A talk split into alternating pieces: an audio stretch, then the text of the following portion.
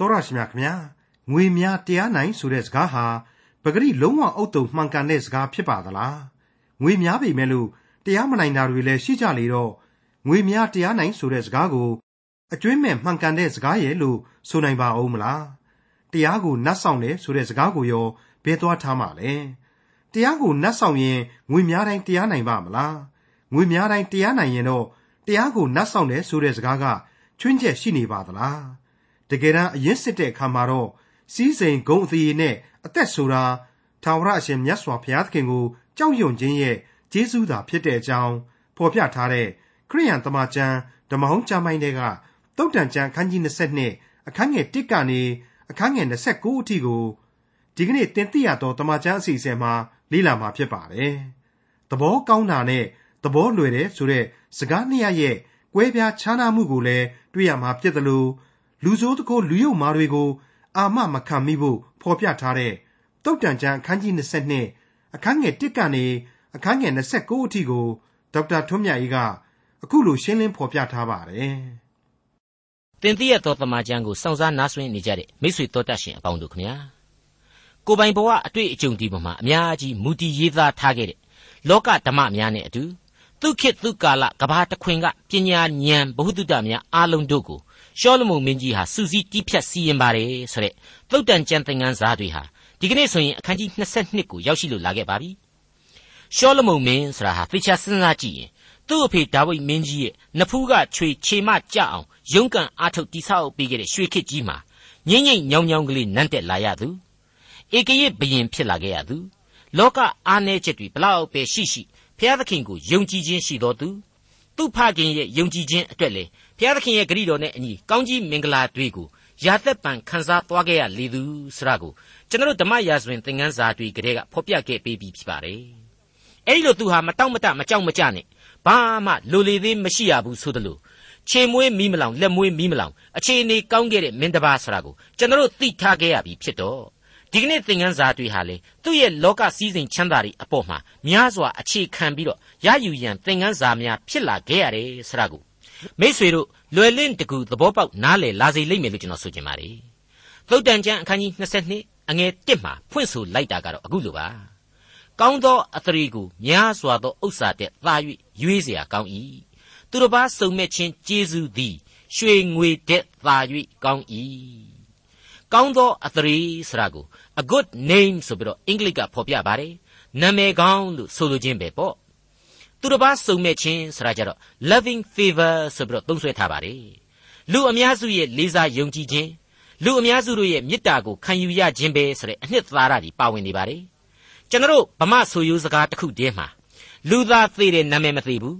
ဒါမှမဟုတ်ရင်လေလူမသေးခင်ကတည်းကနာမည်ကသေနေပြီဆိုတာတွေကိုကြားဘူးပါတယ်အထူးသဖြင့် ကိုယ့်ရဲ့ဂုံကြက်တွေရှိခြင်းတဲ့မတော်မတဲ့တွေရှောက်လုပ်ပြီးတော့မတရားစီးပွားရှာခြင်းတွေကိုကြိုးရှာခြင်းတွေများတဲ့လူသူလောကမှာရှိနေစေကာလမှာပဲကြက်တည်ရုပ်လျော့သွားရတယ်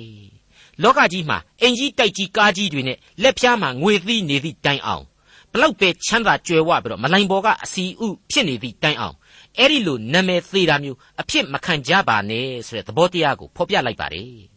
ဒီအပိုင်းတွေကိုရောက်လာတော့ ဓမ္မရာဇဝင်တွေထဲမှာဒါဝိမင်းကြီးလက်ထက်ကသူရဲကောင်းမှတ်တမ်းဝင်နေရှိခဲ့ဘူးတဲ့အကြောင်းကိုကျွန်တော်အောက်မေ့မိပါတယ်အဲ့ဒီသူရဲကောင်းတွေကြားထဲမှာမှတခါ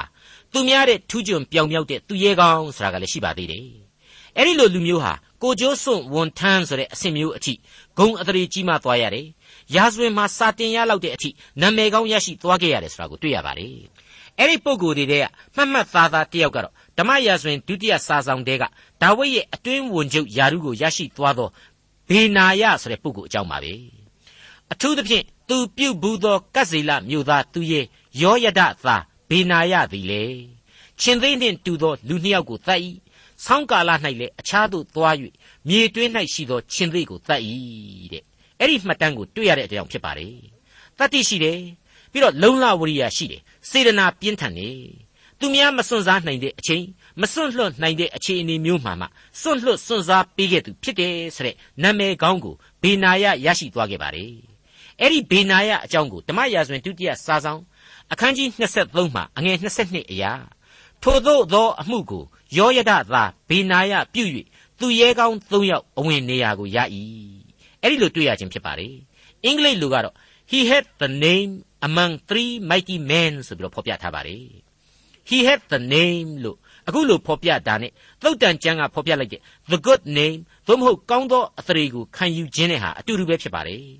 ကျွန်တော်ခရိယန်တွေရဲ့အသက်တာမှာဘုရားသခင်အတွက်များအပင်ပန်းအနစ်နာခံဖို့အသာထားမိုးကလေးအုံယုံလောက်နေတောင်မှအသင်းတော်ကိုမသွားနိုင်တာ ड़ी နေကလေးပူပြန်တာနဲ့ပဲဆူတောင်းစည်းဝေးကိုမသွားခြင်းပြန်တာ ड़ी ဆိုတာမျိုးမဖြစ်ထိုက်ပါဘူးမိုးရွာရွာနေပူပူဆောင်းနှင်းတွေပဲဘလောက်ကြနေပါစေဘုရားသခင်နဲ့ပတ်သက်လာရင်အနစ်နာခံသင့်လှပါတယ်ကျေးဇူးတော်ကိုခံယူခြင်းနဲ့အတူ ပေးဆက်ရန်တာဝန်များဟာလေအစဉ်တစိုက်ပူးတွဲတာဝန်များအဖြစ်ရှိရလိမ့်မယ်ဆိုတာကိုကျွန်တော်သင်ခန်းစာယူတိုက်လှပါတယ်အခုသူရဲကောင်းဘေနေရကတော့ဆောင်းကာလ၌လေအခြားသို့သွား၍မြေတွင်း၌ရှိသောချင်းသိကိုတတ်၏တဲ့သုတ်တန်ကျမ်းအခန်းကြီး22အငယ်1မှ9ငွေရရသောသူနှင့်ဆင်းရဲသောသူတို့သည်တွေ့ကြုံကြ၏ထိုသူအပေါင်းတို့ကိုထာဝရဘုရားဖန်ဆင်းတော်မူ၏တမာတရိရှိသောသူသည်အမှုကိုမျှော်မြင်၍ပုံနေတတ်၏ ဉာဏ်တိမ်သောသူမူကားအစဉ်အတိုင်းသွား၍အမှုနှင့်တွေ့တတ်၏စိတ်နှိမ်ချခြင်းထာဝရဘုရားကိုကြောက်ရွံ့ခြင်းကျေးဇူးကြောင့်စီးစိမ်ဂုံအသရေအသက်ကိုရတတ်၏သဘောကောက်သောလူသွားရလမ်း၌စုပင်များနှင့်ကြော့ကွင်းများရှိတတ်၏မိမိစိတ်ဝိညာဉ်ကိုစောင့်ရှောက်သောသူမူကားဝေးစွာရှောင်သွားလိမ့်မည်ဒီကမ္ဘာလောကကြီးထဲမှာကျွန်တော်အများစုထင်တယ်လို့ငွေများရင်တရားနိုင်တယ်ဆိုတာဟာအမြဲမမှန်ပါဘူးဘုရားသခင်ရှေ့တော်မှောက်မှာသာ ကိုဟာအလိုတော်နဲ့အညီအသက်ရှင်နေထိုင်ကြည့်ဖျားသခင်ဟာသင်ကိုစောင့်ထိန်တော်မူလိမ့်မယ်ကယ်တင်ရှင်ယေရှုကိုပြုပါလိမ့်မယ်ဒါတွေကိုသဘောပေါက်နိုင်အောင်အခုကျမ်းဟာအဖြေကောင်းတစ်ခုကိုပေးလိုက်ခြင်းလို့ကျွန်တော်ခံယူပါတယ်ဒီအချက်ဟာအခုနကဖော်ပြခဲ့တဲ့ကောင်းသောအသရေကိုရယူခြင်းသဘောနဲ့လေဆက်ဆက်နေတယ်ဆိုတာကိုကျွန်တော်ခံယူပါတယ်တိသမာဓိရှိရမယ်နှစ်စိတ်နှိမ်ချခြင်းရှိရမယ်သုံးထာဝရဘုရားကိုကြောက်ရွံ့ခြင်းသဘောမွေးမြူရမယ် အဲ့ဒီအချက်တွေဟာကကြီးစီးစိမ်ခခွေဂုံအသရေဂငယ်အသက်ဆိုတဲ့ကျေးဇူးတော်များကိုခန်းစားရစေမယ်ဆိုပြီးဖော်ပြလိုက်ခြင်းဖြစ်ပါတယ်အခုသုတ်တန်ဩဝါဒတဲကဆင်းရဲသည်ဖြစ်စီချမ်းသာသည်ဖြစ်စီဘုရားသခင်ဖန်ဆင်းတဲ့လူကိုဘုရားသခင်ဟာစုံစည်းစေတယ်တူပြိုင်ပိုင်ဆိုင်ထားတယ်ဆိုတဲ့အချက်နဲ့ပတ်သက်ပြီးတော့တမန်တော်ဝတ္ထုတွေကအေသင်မျိုးသားတွေကိုတမန်တော်ကြီးရှင်ပေါလုပြောခဲ့တဲ့စကားတွေနဲ့ရှင်ပြီးတော့ကြည့်စီခြင်းပါတယ်တမန်တော်ဝတ္ထုအခန်းကြီး18 အငယ်22မှ28အတွင်းမှာဖတ်ကြည့်ပါထိုအခါပေါလုသည် အာရီတောင်ပေါ်၌ရက်လျက်အချင်းအာသင်လူတို့သင်တို့သည်ခတ်သိမ်းသောအရာတို့၌နတ်ဖျားတို့ကိုအလွန်ယိုသေးတတ်ကြသည်ကိုငါမြင်ပါ၏လမ်း၌သွား၍သင်တို့၏ဖျားများကိုကြည့်ရှုသည်တွင်ငါတို့မသိသောဖျားသခင်အဖို့ဟု၍အခရာတင်သောရစ်ပလင်တစ်ခုကိုတွေ့ပါ၏သင်တို့သည်မသိဘဲလျက်ကိုးကွယ်သောဖျားသခင်အကြောင်းကိုငါဟောပြော၏ လောကရမှစ၍လောကရ၌ရှိလေသမျှသောအရာတို့ကိုဖန်ဆင်းတော်မူသောဘုရားသခင်သည်ကောင်းကင်နှင့်မြေကြီးကိုအစိုးရတော်မူသောအရှင်ဖြစ်၍လူတို့လက်ဖြင့်လှုပ်သောဗိမာန်၌ကျင်းဝတ်တော်မူသည်မဟုတ်ဘုရားသခင်သည်ခတ်သိမ်းသောသူတို့အားဇီဝအသက်နှင့်တကွထွက်သက်ဝင်သက်မှစ၍ခတ်သိမ်းသောအရာတို့ကိုပေးတော်မူသောအရှင်ဖြစ်၍တစုံတစ်ခုကိုအလိုတော်ရှိတဲ့ကဲ့သို့လူတို့လက်ဖြင့်ကျွေးမွေးခြင်းကိုခံတော်မူသည်မဟုတ် ဘုရားသခင်သည်မြေတပြင်လုံး၌နေရသောလူအမျိုးမျိုးတို့ကိုတသွေးတည်းနှင့်ဖန်ဆင်းတော်မူ၍သူတို့အားခွဲဝေစီမံသောအချိန်ကာလကို၎င်းသူတို့၏နေရာအပိုင်းအခြားကို၎င်းမှတ်သားတော်မူ၏အကြောင်းမူကားလူတို့သည်ဘုရားသခင်ကိုရှားဆန်းသဖြင့်တွေ့ကောင်းတွေ့ကြလိမ့်မည်အကြောင်းသည်ထို့သောဆိုတော်လဲဘုရားသခင်သည်ငါတို့တွင်အဘယ်သူနှင့်မျှဝေးတော်မူသည်မဟုတ်ငါတို့သည်ဘုရားသခင်အားဖြင့်အသက်ရှင်လျက်လှုပ်ရှားလျက်ဖြစ်လျက်ရှိကြ၏ထို့သောနှင့်အညီ သင်တို့တွင် လင်္ကာဆရာအချို့တို့ကငါတို့သည်ကຫນွေတော်သားပင်ဖျားမျိုးပြီဖြစ်ကြလေဟုစတ်ဆိုသည်မိတ်ဆွေအပေါင်းတို့ခမညာဖျားသခင်ရဲ့ဘက်တော်သားဖျားသခင်ရဲ့သားသမီးများဖျားသခင်ကိုချစ်တော်သူမှန်နေဆိုရင်ဒီကမ္ဘာလောကကြီးဟာနေပြောစရာဖြစ်ရမယ်ကျေးဇူးတော်အရေးမှတည်မီနေရမယ်ဖျားသခင်ကိုမချစ်ရင်မကိုးကွယ်မပြတ်ဝတ်ရင်တော့စာရမဏေရဲ့သားသမီးများအဖြစ်နဲ့ပဲကြဆုံးသွားရဖို့ရှိနေပါလေဒါကြောင့် အသက်လမ်းပေါ်မှာနေခြင်းသလားအပြက်လမ်းပေါ်မှာနေခြင်းသလားဘယ်ဘက်ကိုတိုးဝင်ချင်းကပ်ကြမလဲဆိုတဲ့မိကွန်းတွေးဟာမေးစရာပေါ်လာပါတယ်အဲ့ဒီလိုစာရမဏဘက်တော်သားတွေအတွက်ခရစ်တော်ပြောခဲ့တဲ့အမိန့်တော်သံတစ်ခုကိုရှင်ယောဟန်ခရစ်ဝင်ကျမ်းအခန်းကြီး၈အငယ်44မှာအခုလိုကျွန်တော်တို့ပြန်ပြီးတော့တွေ့နိုင်ပါတယ်သင်တို့သည်သင်တို့၏အဖဒီဟုသောမာနမှဆင်းသက်ကြ၏သင်တို့အဖ၏အလိုတို့လည်းလိုက်ကြ၏မာနသည်ရှေးဥစွာမှစ၍လူအသက်ကိုတတ်တော်သူဖြစ်၏တဲ့ အဲ့ဒီလိုဖော်ပြခဲ့ခြင်းဖြစ်ပါတယ်တနည်းအားဖြင့်ကတော့ကိုယ့်အသက်ကိုတတ်ပြီးတော့ကိုယ့်ကိုလွှမ်းမိုးနေတဲ့စာရမဏေရဲ့သားသမီးလှုပ်ချင်သလားကိုယ့်ကိုအသက်နှင်းအပ်ပြီးတော့ကိုယ့်ကိုသမာတရားနဲ့အုပ်ချုပ်တော်မူတဲ့ဘုရားသခင်ကိုခိုးလှုံအားကိုးကြမလားဆိုတဲ့အချက်ကိုလေဒီကနေ့ကျွန်တော်တို့စဉ်းစားကြဖို့လိုအပ်လာပါတယ်သုတ်တန်ကျမ်းအခန်းကြီး22အငယ်6သူငယ်သွားရလမ်းဝ၌ဆုံးမသွန်သင်လော့တို့ပြုလျင်သူသည်အိုသောအခါထိုလမ်းမှမလွှဲလိုက်သွားလိမ့်မည် ဒါဟာကျွန်တော်ရဲ့သားသမီးကလေးတွေမျိုးဆက်သစ်လူငယ်ကလေးတွေအတွက်ကျွန်တော်ဘက်ကတာဝန်တစ်ခုကိုညွှန်ပြခြင်းဖြစ်တယ်လို့ကိုပိုင်ဘဝအသီးသီးရဲ့အနာဂတ်အရေးမျှော်တွေးပြင်ဆင်ခြင်းလဲပါဝင်တယ်လို့ကျွန်တော်ခံယူပါတယ်အဲ့ဒီလိုအနာဂတ်အရေးအတွက်ပြင်ဆင်ကြိုးစားအားထုတ်ကြရမှာကိုဖြစ်ချင်တာတွေကိုဦးစားမပေးရပါဘူးဖျားသခင်ရဲ့အလိုတော်ကိုနားလည်အောင်ကြိုးစားရလိမ့်မယ်ဝန်ခံရလိမ့်မယ်တမာတရားနဲ့အညီအညွတ်ဖြစ်ရစေလိမ့်မယ်လို့ကျွန်တော်ဆိုချင်ပါတယ် ကျွန်တော်နဲ့ယဉ်နှီးခင်မြင်တဲ့မိသားစုတစ်ခုကိုကျွန်တော်သွားပြီးသတိရမိပါတယ်သူတို့အကြောင်းလေးကိုပဲဥပမာပေးပါရစေသူတို့မိသားစုဟာဘုရားသခင်ကိုယုံကြည်ကိုးကွယ်ကြပါတယ်ဒါပေမဲ့လောကနဲ့သက်ဆိုင်တဲ့ရည်မှန်းချက်များကိုထားရမှာကတော့ကိုယ်စိတ်ကြိုက်ကိုပဲကိုအမြဲတမ်းရှေ့တန်းတင်တတ်တယ်အဲ့ဒီလိုကိုယ်စိတ်ကြိုက်တွေးဟာလေကိုကဘုရားသခင်ကိုကြောက်ရွံ့ကိုးကွယ်တဲ့လူတွေဖြစ်တာကြောင့်မလို့ဘုရားသခင်ကအစဉ်တစိုက်အလိုတော်ရှိမှာပဲဆိုပြီးသူတို့တွေးကြတယ် အဲ့ဒီတွေးတဲ့အတိုင်းပဲကိုယ့်ရဲ့စိတ်ကြိုက်တွေးဟာဘုရားသခင်ရဲ့အလိုတော်နဲ့အမြဲတမ်းညီညွတ်တယ်ဆိုပြီးတော့ဇွတ်အတင်းဇွဲခတ်ပြီးတော့စ조사ပန်းစားအားထုတ်ကြပါတယ်စ조사အားထုတ်ခြင်းကိုဘာမှကျွန်တော်ပြောစရာမလိုပါဘူးချီးမွမ်းသင့်ရင်တောင်ချီးမွမ်းရမှာပါဒါပေမဲ့ကိုယ့်အလိုဆန္ဒကိုဘုရားသခင်အလိုတော်နဲ့ညီတယ်ဆိုတဲ့အစွန်းရောက်အတွေးအထင်ကိုတော့မှားတယ်လို့ကျွန်တော်ယူဆပါတယ်ယူဆတဲ့အတိုင်းလေကျွန်တော်ကဆန့်ကျင်စကားပြောမိပါတယ် လူသားရဲ့စိတ်အထင်ဆရာဟာအစွဲကြီးလွန်းသွားရင်မှားတတ်တယ်ဆိုတာကိုကျွန်တော်ကနားလည်ထားလို့ပါအဲ့ဒီခါမှာတော့ကျွန်တော်ကိုသူတို့စိမ့်သွားခဲ့ကြပါတယ်ကျွန်တော်ကိုစိမ့်တာဟာဘာမှအရေးမကြီးပါဘူးဖျားသခင်ကိုပါစိမ့်သွားတယ်ဆိုတာကိုယဉ်နှင့်ပွယ်တွေ့လာရပါတယ်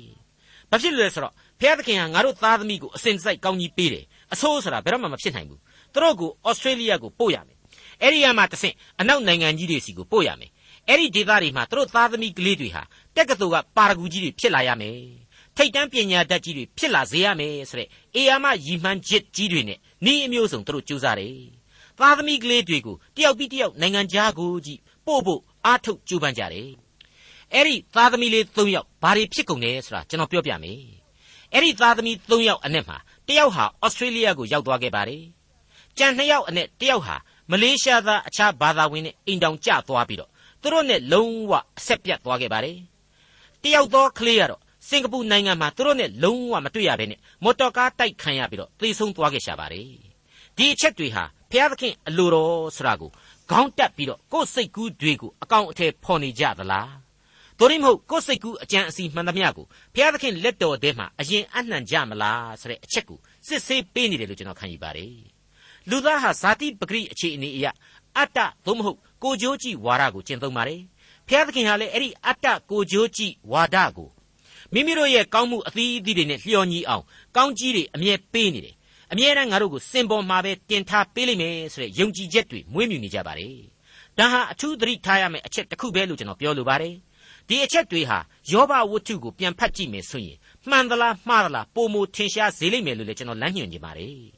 အခုကျမ်းပိုင်းမှာဖော်ပြထားတဲ့သူငယ်သွားရလမ်းဝမှာသွန်သင်ဆိုတာဟာသင်မင်းရိပ်လွှမ်းမိုးသောဂျိုင်း သို့မဟုတ်သေခြင်းပန်းတိုင်ရဲ့အစမွေးဖွားခြင်းဏိဒန်းကလေးကဆိုတဲ့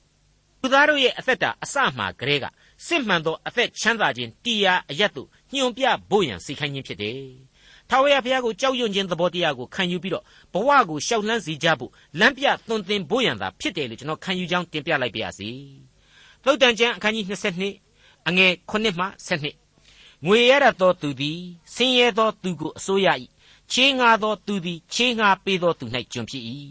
ဒုစရိုက်မျိုးစေ့ကိုကျဲသောသူသည်ဒုက္ခစဘာကိုရိပ်ရမည်ဒေါသစိတ်ရှိ၍ဒဏ်ပေးနိုင်သောတကိုးလည်းပျောက်လိမ့်မည်ဂယုဏမျက်စိရှိသောသူသည်ဆင်းရဲသောသူတို့ကိုကြွေးသောကြောင့်မင်္ဂလာရှိလိမ့်မည်မထီမဲ့မြင်ပြုသောသူကိုနှင်ထုတ်လော့တို့ပြုလျင်ယံမန်လဲထွက်သွားလိမ့်မည်ရန်တွေ့ခြင်းနှင့်ကဲ့ရဲ့ခြင်းလည်းငြိမ့်လိမ့်မည်စိတ်နှလုံးဖြူစင်ခြင်းကိုနှစ်သက်သောသူသည်လျှောက်ပတ်သောစကားကိုပြောရ၍ ရှင်ဘရင်နှင့်မိတ်ဆွေဖွဲ့ရလိမ့်မည်ထာဝရဘုရား၏မျက်စိတော်သည်ပညာအတတ်ကိုစောင့်၏ပြစ်မှားသောသူ၏စကားကိုကခြေတော်မူ၏ဒီဖော်ပြပါအချက်တွေဟာလောကဓမ္မတွေလို့အကြံပြင်းခံယူနိုင်ပါလိမ့်မယ်ဒါပေမဲ့ဂယုဏတရားပွားများကြရမယ်ယဉ်ငိမ့်ခြင်းတရားပွားများရမယ်တနည်းအားဖြင့်ငြိမ်သက်ခြင်းကိုပြုစုရမယ်စိတ်နှလုံးသန့်ရှင်းခြင်းရှိရမယ်ဆိုတာတွေဟာသာမန်လောကဓမ္မတဲ့ပို့တယ်လို့ကျွန်တော်ခံယူလိုက်ပါတယ် သုတ်တန်ကျမ်းအခန်းကြီး22အငယ်73ပြင်းရည်သောသူကအိမ်ပြင်မှရှင်သိရှိ၏လမ်းထွက်လျင်ငါသေးလိမ့်မည်ဟုဆိုရ၏ရှင်သိဆိုတာဟာနှုတ်ကပတ်တော်အရာအကောင်းအဆိုးအမျိုးမျိုးနဲ့ဥပမာဆောင်ယူရာတတ်တော်ဖြစ်ပါတယ်ကျွန်တော်ကတော့ဒီနေရာမှာလူညံ့လူပြင်းဟာလောကကြီးကိုကြောက်နေတဲ့လူကိုဘဝကိုကိုဟာရင်မဆိုင်ဝန်းတဲ့လူပဲလို့သတ်မှတ်တယ်လို့ခံယူလိုက်ပါတယ်ဟုတ်ပါတယ်ဘဝဆိုတာဟာဘဝပြီးပြီးဘာကုန်းနဲ့ဝါလုံးပေါင်းထားရမှာသာဖြစ်ပါတယ် တင့်တင့်လျော်ကန်တဲ့ရုန်းကန်ရင်ဆိုင်ခြင်းတွေရှိရလိမ့်မယ်အားထုတ်ရခြင်းတွေရှိရလိမ့်မယ်စုခင်သောလမ်းများကိုလည်းနင်းရတဲ့အခါမှာနင်းရလိမ့်မယ်တစ်ချိန်တည်းမှာဘုရားသခင်နဲ့အတူဒီဘဝတိုက်ပွဲကြီးကိုအောင်မြင်အောင်ကြော်လွှားရမှာလေဧကန်အမှန်ဖြစ်ပါလေအငယ်14မှ16အမျိုးပြက်သောမိမ၏နှုတ်သည်နက်သောမြေတွင်းဖြစ်၏ထာဝရဘုရားဆက်ဆုပ်ယွန်ရှာတော်မူသောသူသည်ထိုမြေတွင်းထဲသို့ကျလိမ့်မည် မိုက်သောသဘောသည်သူငယ်၏စိတ်နှလုံးထဲမှထုတ်ထားလျက်ရှိသို့တော်လည်းဆုံးမသောကြိမ်လုံးသည်ထိုသဘောကိုဝေးစွာနှင်တတ်၏ကိုစည်းပွားအဖို့ဆင်းရဲသားတို့ကိုညှင်းဆဲသောသူနှင့်ငွေရတတ်သောသူတို့အားပေးသောသူသည်ဆင်းရဲခြင်းသို့အမှန်ရောက်လိမ့်မည်အထွေထွေသဘောဆောင်တဲ့တားမြစ်ချက်တွေအဆုံးအမတွေဖြစ်နေပါတယ်ဒါပေမဲ့အခြေခံအားဖြင့်စီးလုံးသောအဆုံးအမတွေလို့ကျွန်တော်ခံယူပါတယ်ကျွန်တော်သုတ်တန်ကျမ်းများရဲ့အစမှာကလေးကထိတွေ့ခဲ့ရတဲ့ အမျိုးပြတ်သောမိမသို့မဟုတ်စာရမဏေရှိရာမှောင်မိုက်အရက်ဆိုတဲ့အရက်ကိုလူသားတွေမရောက်စေဖို့အတွက်လူငယ်တို့သွားရလမ်းဝမှာကလေးကသွန်သင်ပေးရလိမ့်မယ်မတရားတဲ့အမှုတွေကိုရှောင်ကျဉ်ဖို့ရန်ဆုံးမဩဝါဒပြုရမယ်ဆိုတဲ့အနှစ်ချုပ်သဘောပဲဖြစ်ပါတယ်သုတ်တန်ကျမ်းအခန်းကြီး22အငယ်16မှ29သင်ဤနာကိုညှို့၍ပညာရှိစကားကိုနားထောင်လော့ငါပညာအတတ်ကိုလည်းစိတ်နှလုံး၌ဆွဲလန်းလော့ သင်၏နှလုံး၌သွင်းမိနိုင်လျင်သာယာသောအကျိုးရှိလိမ့်မည်သင်၏နှုတ်၌လည်းအစဉ်အသင့်ရှိလိမ့်မည်သင်သည်ထာဝရဘုရား၌ခိုလှုံမည်အကြောင်းသင်ကိုယ်တိုင်ကိုယနေ့ငါသွန်သင်၏သင်သည်တမာတရားစကားစစ်ကိုသိမည်အကြောင်းနှင့်သင်ထံသို့ဆေလွတ်သောသူတို့အားတမာစကားကိုပြန်ပြောနိုင်မည်အကြောင်းသတိပေးလျက်ပညာအတတ်ကိုပြသလျက်ထူးဆန်းသောအရာတို့ကိုငါရေး၍ပေးလိုက်ပြီမဟုတ်လောဆင်းရဲသောသူ၏ဆင်းရဲကိုထောက်၍ သူ၏ဥစ္စာကိုမလူမယူနှင့်ဒုက္ခိတသတ္တဝါကိုမြို့တကားဝမှမနှင်းစေနှင့်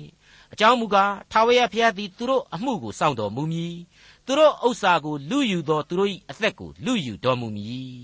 စိတ်တူသောသူကိုမိတ်ဆွေမဖွဲ့နှင့်အမျက်ပြင်းထန်သောသူနှင့်အတူမလိုက်နှင့်လိုက်လျင်သူ၏ထုံးစံဓလေ့တို့ကိုသင်၍ကိုယ်အသက်ကြော့မိရာဖြစ်လိမ့်မည်လက်ဝါးချင်းရိုက်သောလူစုနှင့် သူ့ကြွေးကိုအာမခံသောလူစုတဲသို့မဝင်နှင့်သင်၌ပေးရန်မရှိလျင်သင်အိယာကိုအဘယ်ကြောင့်ယူသွားစေခြင်းသနည်းဒီကျမ်းပိုင်းတွေကိုအလေးနဲ့ပြန်ပြီးသုံးသပ်လိုက်မယ်ဆိုရင်တေထာဝရဘုရားကိုကြောက်ရွံ့ယူသေးစွာခိုးဆုံဖို့နှစ်သမာတရားရဲ့အနှစ်သာရကိုရှာဖွေတွေ့ရှိစေဖို့သုံးဖြောက်မှတ်ခြင်းတရားကိုမွေးမြူဖို့လေးဂယုဏတရားကိုယင်မှသိုးဖွဲ့ထားဖို့ငါ မတရားသောသူတို့နှင့်မရောနှောမိစေဖို့စရာဒီကိုထပ်မံသတိပေးလိုက်တဲ့အပိုင်းပဲဖြစ်ပါတယ်ဒီကြမ်းကြက်တွေထဲမှာအထူးသတိပေးလိုက်တဲ့အချက်အဖြစ်နှစ်ချက်ကိုကျွန်တော်ဖော်ပြခြင်းပါတယ်ကာကြီးနှုတ်ကပတ်တော်တဲ့ကဤသုတ်တန်ကျမ်းစကားတို့သည်ကိုနှင်းတကွကိုဝန်းကျင်မှားပါထပ်ဆင့်ဝေမျှစေဖို့ဘုရားသခင်အလိုတော်ရှိတဲ့အံ့ဩပွေသောစကားများဖြစ်ကြသည်ခါခွေထာဝရဘုရားသည်ဒုက္ခဆင်းရဲသောသူတို့ကို စောင့်မကြည့်ရှုတော်မူသောဘုရားသခင်ဖြစ်တော်မူသည်ဆိုတဲ့အချက်တွေကိုပေါ်လွင်လာစေတယ်လို့ကျွန်တော်ခံယူပါတယ်။ဒါဟာတကြော့ပြန်လာတဲ့အဆုံးအမဖြစ်တယ်လို့ကျွန်တော်တို့မြင်နိုင်ပါတယ်။ထာဝရဘုရားကိုကြောက်ရွံ့သောသဘောသည်ပညာ၏အချုပ်အခြာဖြစ်တယ်။ထာဝရဘုရားကိုကြောက်ရွံ့ခြင်းသဘောသည်ပညာကိုသွန်သင်ခြင်းဖြစ်တယ်။ဝေမျှခြင်းဖြစ်တယ်ဆိုတာကိုသုတ်တန်ကျမ်းအခန်းကြီး15မှာတွေ့ကြရပြီးသားပါ။တခါအခန်းကြီး16အငယ်16အရာဆိုရင်ဆင်းရဲသားတို့ကိုတနာသောသူသည်ထာဝရဘုရားအားချေးငှားသောသူဖြစ်၍ သူပြုသောအမှု၏အကျိုးကိုဆက်ပေးတော်မူလိမ့်မည်ဆိုတဲ့အချက်ကိုတွေ့ကြရပြီးသားဖြစ်ပါတယ်။ဒီအချက်တွေကိုနှုတ်ကပတ်တော်ဟာအကြော့ကြော့ပြန်လှန်သတိပေးနေခြင်းပဲလို့ကျွန်တော်ခံယူပါတယ်။နောက်ထပ်သတိပြုရန်အချက်ကတော့လူဆိုးသခိုးတွေကိုတွားပြီးတော့အာမမခံမိစေနဲ့ဆိုတဲ့အချက်ဖြစ်ပါတယ်။သဘောကောင်းတာနဲ့သဘောလွယ်တာဟာမတူညီပါဘူး။ကူညီတိုက်တဲ့လူတွေကိုကူညီတာဟာဘုရားသခင်အလွန်လိုလားတဲ့စိတ်ဓာတ်ကောင်းဖြစ်ပါတယ်။အစိတ်ပင်ကိုရေလောင်းတာကြပြန်တော့လေ အကျိုးမဲ့ပြီးတော့ကိုတောင်မှပြန်ဒုက္ခရောက်နိုင်တယ်ဆိုတဲ့သဘောကိုဖော်ပြခြင်းပါဓမ္မရာဇဝင်တဲကဣသရေလဘယင်မိုက်အာဟပ်ဆိုတာကိုအကူအညီပေးမိတဲ့ယူဒရှင်ဘယင်ယောရှဖတ်အကြောင်းကိုမိษွေတို့မှတ်မိကြမယ်ထင်ပါတယ်အဲ့ဒီအာဟပ်ကိုယောရှဖတ်ဟာသွားအကူအညီပေးပြီးတော့ဂိလတ်ပြည်ယာမုတ်စစ်မြေပြင်မှာကူပြီးတော့တိုက်လိုက်တာလေရန်သူတွေသူ့ကြီးဝိုင်းတိုက်လို့မနဲ့အသက်လွတ်အောင်လို့ထွက်ပြေးခဲ့ရတယ်ဒါဟာသင်ခန်းစာယူစရာပါပဲကမ္ဘာသမိုင်းရဲ့အတိတ်နဲ့ပြစ္ဆုတ်ပန်းမှလေဒီလိုပဲလို့ကျွန်တော်ထင်ပါတယ် ထိုင်နေအကောင်းသားထသွားမှကြိုးမှန်းသည်ဆိုတာမျိုးတွေမတရားတဲ့ဘက်ကနေတွားပြီးတော့မဟာမိတ်လုံမိလို့အရှုံးကြီးရှုံးသွားခဲ့ရတယ်ဆိုတဲ့နိုင်ငံရေးလောကကဖြစ်စဉ်တွေဟာကျွန်တော်တို့ကိုသတိပေးနေပါတယ်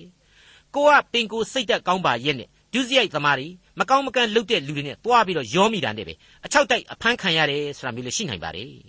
ဒါတွေကကျွန်တော်တို့မြင်တွေ့ကြားသိနေရတဲ့သိမဆန်းလှတဲ့လော်ကီကိစ္စတွေဖြစ်ပါတယ်နှုတ်ကပတ်တော်ရဲ့အဆုံးအမတွေဟာလော်ကီလောကုတ်တရားနှစ်ဖြာစလုံးနဲ့ပတ်သက်ပြီးတော့ ဒေါင်းစိတ်အောင်စုံလင်လှတယ်လို့သုတ်တန်ကျမ်းနဲ့ပတ်သက်ပြီးတော့ကျွန်တော်အံ့ဩမိပါတယ်အခုသုတ်တန်ကျမ်းကဖော်ပြတဲ့သဘောလွယ်သူတွေရဲ့ကိုကြိုးနဲပုံတွေကိုစဉ်းစားတော့ခရစ်တော်ရဲ့တပည့်ကျော်ကြီးတမန်တော်ကြီးရှင်ပေတရုကိုလည်းအဲ့ဒီစီးရင်ထဲမှာထည့်သင့်တယ်လို့ကျွန်တော်ထင်ပါတယ်သဘောကောင်းရာကနေပြီးတော့သူဟာသဘောလွယ်သဘောလွယ်ရာကနေပြီးတော့သဘောတွေလွဲကုန်တယ်လို့ကျွန်တော်တွေးမိပါတယ်တမန်တော်ကြီးဟာပထမပိုင်းမှာအန်တီအုတ်တပါးအမျိုးသားခရစ်ယာန်ယုံကြည်သူတွေနဲ့အတူပျော်ပျော်ကြီးဝက်သားစားတယ်ငခုငရှင်းစားတယ် ကြက်သားဘဲသားလည်းလဲမလှီးပဲစားခဲ့တယ်အပြစ်မရှိဘူးဆိုတာကိုလည်း तू ကသိလို့ဒီတိုင်းဝင်ပြီးတော့စားတာပါအဲ့ဒီအချိန်မှာခရိယန်တော့ခရိယန်ဂျူးခရိယန်တွေလည်းရုတ်တရက်ရောက်လာရောဂျူးတွေကိုမျက်နှာချိုပြန်ပြီးသွေးကျင်တာနဲ့ပဲအဲ့ဒီတပားအမျိုးသားတွေနဲ့ထိုင်တောင်မှမထိုင်ခဲ့တဲ့ပုံမျိုးဂိုက်နဲ့ဆိုင်နဲ့ဟန်ဆောင်ပြီးနေခဲ့တယ်တနည်းအားဖြင့်တော့မပြတ်မသားရှိခဲ့ဘူးတယ်ဆိုတဲ့သဘောမျိုးတွေ့ခဲ့ရပါတယ်ဒါကြောင့်လဲရှင်ပေါလုနဲ့ရှင်ပေတရုတို့ဟာအနည်းငယ်ကြောက်ကဆဖြစ်ခဲ့ရတယ်ဆိုတာတွေ့ရပါတယ်တမန်တော်ကြီးရှင်ပေတရုသာမဟုတ်သေးပါဘူး တမန်တော်ကြီးဘာနဘဟာလည်းအဲ့ဒီအတိုင်းပဲဥလဲလဲလုပ်ခဲ့တယ်ဆိုတာကိုရှင်ပေါလုမှတ်ချက်ချခဲ့တာကိုဒီဂလာတိဩဝါဒစာအရာကျွန်တော်တို့တွေ့နိုင်ပါတယ်လူလူချင်းသာမန်မကြေမနက်ဖြစ်မှုကလေးတွေကလွဲလို့ဒီပုံကိုကြီးတွေဟာအင်မတန်မှတယောက်နဲ့တယောက်ချစ်ခဲ့ကြတယ်အမှုတော်ကိုရှေ့တန်းကနေပြီးတော့ဥဆောင်ဥရွက်ပြုခဲ့ကြတယ်နောက်ဆုံးမှာယောမမြို့တော်ကြီးမှာအတူတကွတနေ့တည်းမှာပဲအသက်ခံခဲ့ကြရှာတယ်ဆိုတာကိုလေသမိုင်းဆရာများကဖော်ပြထားတာရှိပါတယ် နှုတ်ကပတ်တော်ရဲ့ရှင်ပေတရုဩဝါဒစာဒုတိယစာဆောင်ဏိဂုံးပိုင်းမှာဆိုရင်လေပေတရုကနေပြီးတော့ငါတို့ချစ်သောညီပေါလုရဲ့ဆုံးမဩဝါဒတွေကိုမင်းတို့နာခံကြပါကွယ်ဆိုပြီးတော့ဖော်ပြပေးခဲ့တာကိုကျွန်တော်တို့ပြန်ပြီးတော့အထောက်အထားနဲ့တိတိကျကျတွေ့မြင်နိုင်ပါတယ်အချုပ်အားဖြင့်ကတော့သဘောကောင်းကြပါကိုဒုက္ခရောက်လောက်အောင်တော့လေသဘောမလွယ်ကြပါနဲ့အပြောမလွယ်ကြပါနဲ့ဂရိအပေးမလွယ်ကြပါစေနဲ့ဆိုတာကိုသုတ်တန်ဆရာကဆုံးမပေးလိုက်ခြင်းဖြစ်ပါတယ်သုတ်တန်ကျမ်းအခန်းကြီး22 အငယ်28ဘိုးဘေးစိုက်ဖူးသောမြေမှတ်တိုင်တို့ကိုမရွှေ့နှင့်အလွန်အရေးကြီးပါတယ်ဣသရေလလူမျိုးတော်ကိုမင်းတို့ခါနာန်ပြည်ထဲကိုဝင်လူမျိုးနွယ်စုအလိုက်နေရာယူကြဘယ်အပိုင်းမှာဘသူနေဆိုပြီးတော့ဘုရားသခင်မှတ်သားပေးခဲ့ပါတယ်နေရာပေးခဲ့ပါတယ်အဲ့ဒီအချိန်ကာလမှာကလေးကအခုသုတ်တန်ချမ်းဖော်ပြချက်နဲ့မယိုးမဆွဲတူညီစွာမှားကြားခဲ့တန်ရှိပါသေးတယ်သင်ဘုရားသခင်ထာဝရဘုရားသည်သင်အားအပိုင်ပေးတော်မူသောပြည်မှအမွေခံရမြေ၌ ရှေးလူဟောင်းတို့သည်စိုက်ထားနှင့်သောအိမ်ကြီးချင်းဤမြေမှတ်တိုင်ကိုမရွှေ့ရတဲ့ကဲကို့အမွေမြေကိုကိုလေးစားရမှာဖြစ်တယ်လို့သူများမြေကိုလည်းတွားပြီးတော့မကျူးကျော်နဲ့ဆိုတဲ့အချက်ကိုပေါ်ပြလိုက်တဲ့အတူတူပဲဖြစ်နေပြီ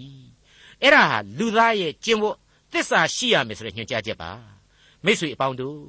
သမိုင်းကာလတစ်လျှောက်လုံးမှာအကျွင့်မဲ့အာနာရှင်ရဲ့လို့ဘုရားသခင်သာရှိပါတယ်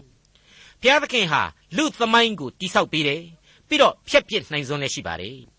ဒါကြောင့်မို့လို့လေကဘာကြီးတစ်ခုလုံးကိုလေသူဟာတစ်ချိန်သောကာလတုန်းကရေအောက်မှာမြုပ်ပစ်ခဲ့သေးတယ်ပြီးတော့မှမျိုးဆက်အသစ်တို့ကိုသူသာလျှင်ပြန်လဲတည်ထောင်ပေးခဲ့ပါတယ်ကျွန်တော်လူဘဝဟာသူ့ရဲ့လက်ခုပ်ထဲကရေမျှတာဖြစ်ပါတယ်ဘုရားသခင်လှုပ်သမျှအကုန်လုံးဟာတင့်တယ်တယ်ဇောရကတက်เสียလဲဘာမှမရှိသလိုတရားစွဲလို့လည်းမရစိတ်ကူးလေးနဲ့တောင်မှဆန့်ကျင်လို့လည်းမရနိုင်ပါဘူးသူပေးရင်ကျွန်တော်ယူရတယ်သူထားရင်နေရတယ်သူကြွေးတာကိုစားရပြီးတော့ သူခေါ်တော့လဲပြန်သွားရခြင်းပါပဲအခုဆိုရင် तू ပေးတာကိုယူသစ္စာရှိရှိစောင့်ထိန်ဆိုတဲ့တရားကို तू ပေးပါတယ်ကျွန်တော်မလိုက်နိုင်စရာမရှိပါဘူးဒီတရားကိုကိုယ့်ရဲ့သားသမီးမြေးမြစ်တို့ကိုလည်းလက်ဆင့်ကမ်းသွားရမှာသာဖြစ်ပါတယ်ဒီနေရာမှာဒေါက်တာဂျေဗန်နန်မက်ဂီကနေပြီးတော့သူ့ရဲ့သဘောထားတစ်ခုကိုထည့်သွင်းတင်ပြထားပါတယ်အနောက်နိုင်ငံကြီးတွေဟာဘုရားသခင်ရဲ့ကျေးဇူးတော်ကြောင့်အလွန်အင်အားတောင့်တင်းလာခဲ့ကြတယ် ဒါပေမဲ့ဝိညာဉ်ရေးမှတ်တိုင်တွေစရိတ်တမှတ်တိုင်တွေကိုတော့လူသားတွေဟာဖောက်ပြန်စွာရွှေ့ပစ်ခဲ့ကြပြီအဲ့ဒါကိုတိုင်းပြည်ခေါင်းဆောင်ကြီးတွေနဲ့သိပ္ပံပညာရှင်ကြီးတွေဟာစိတ်တဗေဒမနုဿဗေဒဆိုတဲ့သိပ္ပံနည်းတွေနဲ့ဖာထေးပြုပြင်နေကြတယ်အောင်လဲအောင်မြင်ခြင်းမရှိဘူးတကယ်တော့နှုတ်ကပတ်တော်သမာတရားအဖြစ်သာလျှင်ဖြည့်ရှင်းသွားကြဖို့လိုတယ်ဆိုတာကိုမေ့နေကြတယ်ဆိုပြီးတော့သူဝေဖန်လိုက်ခြင်းဖြစ်ပါတယ်မိษွေအပေါင်းတို့ဒါဟာနိုင်ငံရေးအတွေ့အမြင်မဟုတ်ပါဘူး အလွန်တရားနီလန်းကြတဲ့အတွေ့အခေါ်သာဖြစ်ပါတယ်အမှန်တရားလို့လည်းကျွန်တော်ဆိုချင်ပါတယ်ဖျားသခင်ရဲ့ကျေးဇူးတော်အရေးကယုံကြည်သူတူးချင်းအဖို့လေမှန်ကန်သောအဆုံးအမဖြစ်လိမ့်မယ်လို့ကျွန်တော်ဖြစ်ဆွဲလိုက်ပါရစေဒီတဲ့ပို့ပြီးတော့အတိတ်ပဲလေးနဲ့စီခြင်းတဲ့အတွက်ကျွန်တော်အနေနဲ့ပြီးခဲ့တဲ့အငယ်29ကိုအခုအငယ်28နဲ့ပူးတွဲစဉ်းစားစီခြင်းပါတယ်သင်၌ပေးရန်မရှိလျင်သင်အိယာကိုအဘယ်ကြောင့်ယူသွားစေခြင်းသနည်းဘိုးဘေးစိုက်ဖူးသောမြေမှတ်တိုင်ကိုမရွှေ့နှင့်မှန်ပါတယ် ကဲတင်ချင်းဂျေဇုတော်ဟာလူသားရဲ့ကြိုးစားအားထုတ်မှုဇာတိပဂရိစွန်ပကာသီလသမာဓိတို့ကြောင့်လုံးဝမရနိုင်ပါဘူးယုံကြည်ခြင်းတရားအားဖြင့်သာရနိုင်တဲ့အရာဖြစ်ပါတယ်ဒါကလေးတစ်ခုသာရှိပါတယ်လို့ဆိုရလောက်အောင်ကျေးဇူးတော်မှတပါအခြားမရှိဆိုတဲ့ကျွန်တော်တို့လူသားယုံကြည်ခြင်းတရားကိုမရွေ့လျော့ကြပါစေနဲ့သုတ်တန်ကျမ်းဟာဆုံးမလိုက်ခြင်းပါပဲသုတ်တန်ကျမ်းအခန်းကြီး22အငယ်29အဆုံး ဆောင်ရွက်เสียအမှုကိုစ조사၍ပြည်စည်းစေတတ်သောသူရှိသလောထိုသူသည်သာမညလူ၏အမှုကိုမဆောင်ရွက်ရှင်ဘရင်၏အမှုတော်ကိုဆောင်ရွက်ရ၏မိษွေအပေါင်းတို့ခမညာဆောင်ရွက်เสียအမှုတို့ဟာကမ္ဘာလောကကြီးမှာရှင်သန်နေသရွေ့ကာလပတ်လုံးမကုန်နိုင်အောင်ရှိပါတယ်အခုဆောင်ရွက်เสียအမှုဆရာဟာကိုဘယ်နှကြိမ်လောက်တရားတွေဟောခဲ့တယ်အမှုတော်ကိုဘယ်နှစ်နှစ်လောက်တာဝန်တွေထမ်းဆောင်ခဲ့တယ်ဆိုတဲ့အရေးအတွက်တွေပေါ်မှာမူမတည်ပါဘူး ဖျားသခင်ပေးထားတဲ့ကယ်တင်ရှင်ကျေးဇူးတော်ကိုဘလောက်အထိနဲ့ဆိုင်စွာလက်ခံနေဘလောက်အထိဖျားသခင်အပေါ်မှာသစ္စာမြဲမြံစွာထားခဲ့တယ်ဆိုတဲ့အရေးအချင်းပေါ်မှာသာမူတည်နေတဲ့အကြောင်းလေးစားစွာတင်ပြလိုက်ပါရစေဒေါက်တာထွန်းမြတ်ရေးစီစဉ်တင်ဆက်တဲ့တင်ပြတော်တမချန်းအစီအစဉ်ဖြစ်ပါတယ်နောက်တစ်ချိန်အစီအစဉ်မှာခရိယန်တမချန်းဓမ္မဟောင်းကျမ်းပိုင်းတွေကတုတ်တန်ကျမ်းအခန်းကြီး23ကိုလေ့လာမှဖြစ်တဲ့အတွက်စောင့်မျှော်နားဆင်နိုင်ပါတယ်။